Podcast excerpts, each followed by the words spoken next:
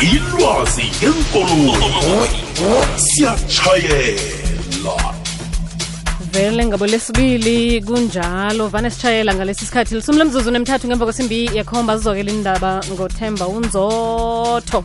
Ngisiphi esicala ku-arvuna namhlanje? Isihloko senkoloyi? Namhlanje sicale ukuthi ikolo yakho uyibona nini ukuthi hayi nje sekusikhathi sokuthi uyisuse eh kuwe? Eh ngithi ikolo uyayithenga intsha bese ukhambe ukhambe ukhambe ukhambe ngayo ukhambe ngayo ukhambe ngayo. Besithoma icoce ya uy- uyibona ngani ukuthi nje ayikhona uyisala. Hmm? uyoyilahla. I-expiry ya mhlawumbe ngenze ukuthi seyidiniwe. Ngoba omunye uyoyithatha injalo-ke.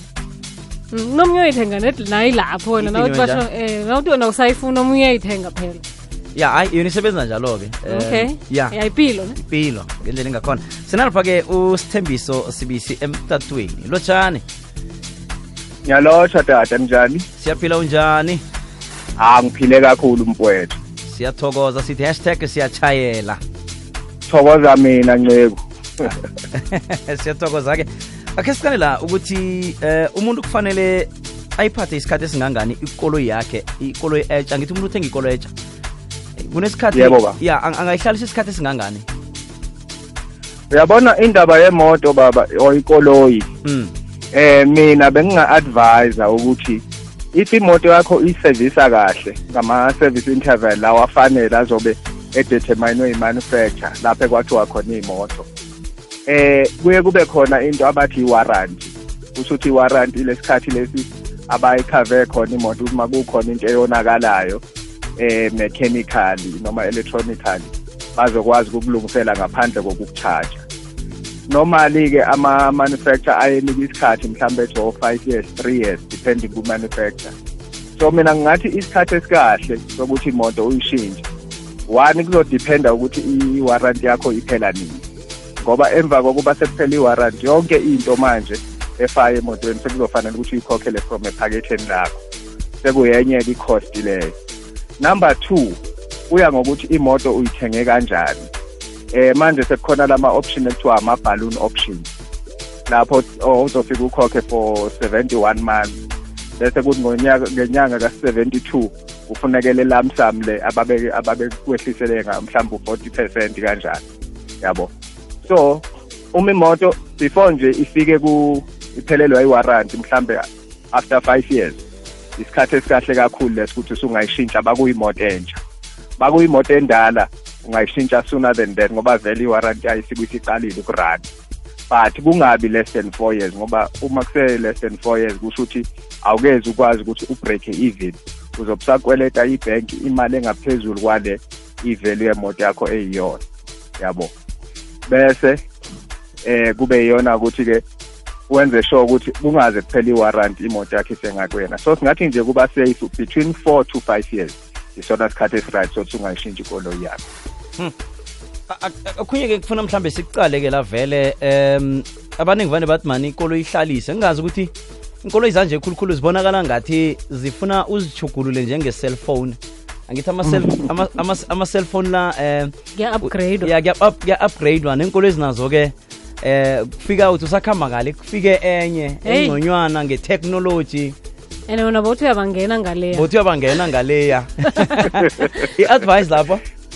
Eh cha mina ngingathi asingabi othathekile. Okay. Ngoba phela ikoloyi kufanele ukuthi uthi unayo ikoloyi kodwa wazi ukuthi endlini kusadliwa. Abantwana basakhokhelela i-school fees esikoleni. So ungajaha ukushesha u- uchange ikoloyi yakho.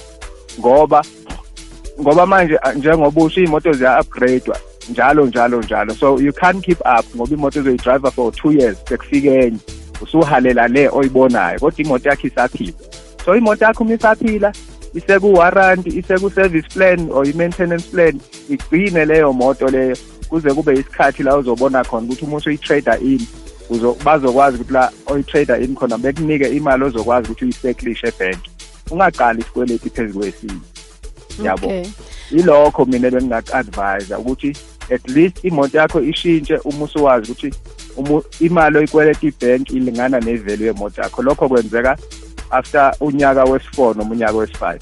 Uma uzohamba ngetayela ukuthi hhayi sekufike nama-features ama angcono manje hhayi uyogcina nje ungenalutho ngoba kusho ukuthi uyohlala nje uphilela ukuthenga isikweletu esisha isikweletu esisha. Mm. yabo. Unyaka nonyaka phela nama-price ayanyuka. So uzothola ukuthi lo ohamba ngayo khokha five thousand. Ufuna i-upgrade yo sekuzofanele seven thousand. Mm. sekuzofanele uchodiseke endlini lapha mhlambe ku-school fees abantwana. Abantu bangena kanjalo ey'kweletini bengabe sakwazi ukuphuma Mm. Um abanye abantu bayelelisa ukuthi sele uyicedile ngoba abanye bahona ukuziceda inkoloyi bathi vele leyo ungasayikhambisi. Angazi ukuthi wena uthini lapho ngoba ekugcineni nayo ngathi ithoma seyikufune lokhu nalokhu yaseyithoma iphuke la iphuke le kodwana-ke sowuhlalele ngombana batsho ucedile ukuyibhadela. Ya abanye baye besho kanjalo kodwa mina benginga-advise besingathi asibheke mhlawumbe ukuthi umuntu kusiphi isimo sempilo yabo? Uma sekuwumuntu mhlawumbe oseku-retirement then leyo moto leyo ngathi mina igcine bese uwenza lokho ekuthiwa i-extended warranty kusho ukuthi u-extenda le insurance le ezokuprotectela ukuthi usukwenzeka kukhona into efaka emotweni bakukhandele le osuke uyithole kwimoto entsha. Ngithi ihambe ihambe iphele mhlawumbe after five years. Then uma usuya ku-retirement mina ngingasuggest ukuthi leyo moto igcine bese u-extend i-warranty wenze sure nje ukuthi ayiwadlula ama-service. But ba umuntu osasebenza imoto nje bayisiphelelwe i-warranty idlu- idlulise ngoba isizoba isizoba nendleko ezinkulu kuwena okuyilungisa. Mhlawumbe uthole isizolimala izinto lapho ezizofina imali enkulu ade ungaplanelanga usuyahamba-ke manje usuyothatha ama-cash loans noma ama-personal loans. Yabo usungena kwezinye iy'kweletu ezi-unnecessary kanti ukuba ubuzothatha imoto entsha ukhokhe installment mhlawumbe sicisho sifane nale. Uyazi lapho ukuthi awunazo ezinye iy'ndleko ezizoba neqhamuke nje esikhaleni. Ya noyizwakele-ke um sithembiso mani sithokozile ukusipha ilwazi. Ngithemba ukuthi abalaleli badobhadobhile sithokoze khulu kwamambala. Ngiyathokoza la ngiyathemba ulwazi esilisherile lizobasiza kakhulu abalaleli ekhaya.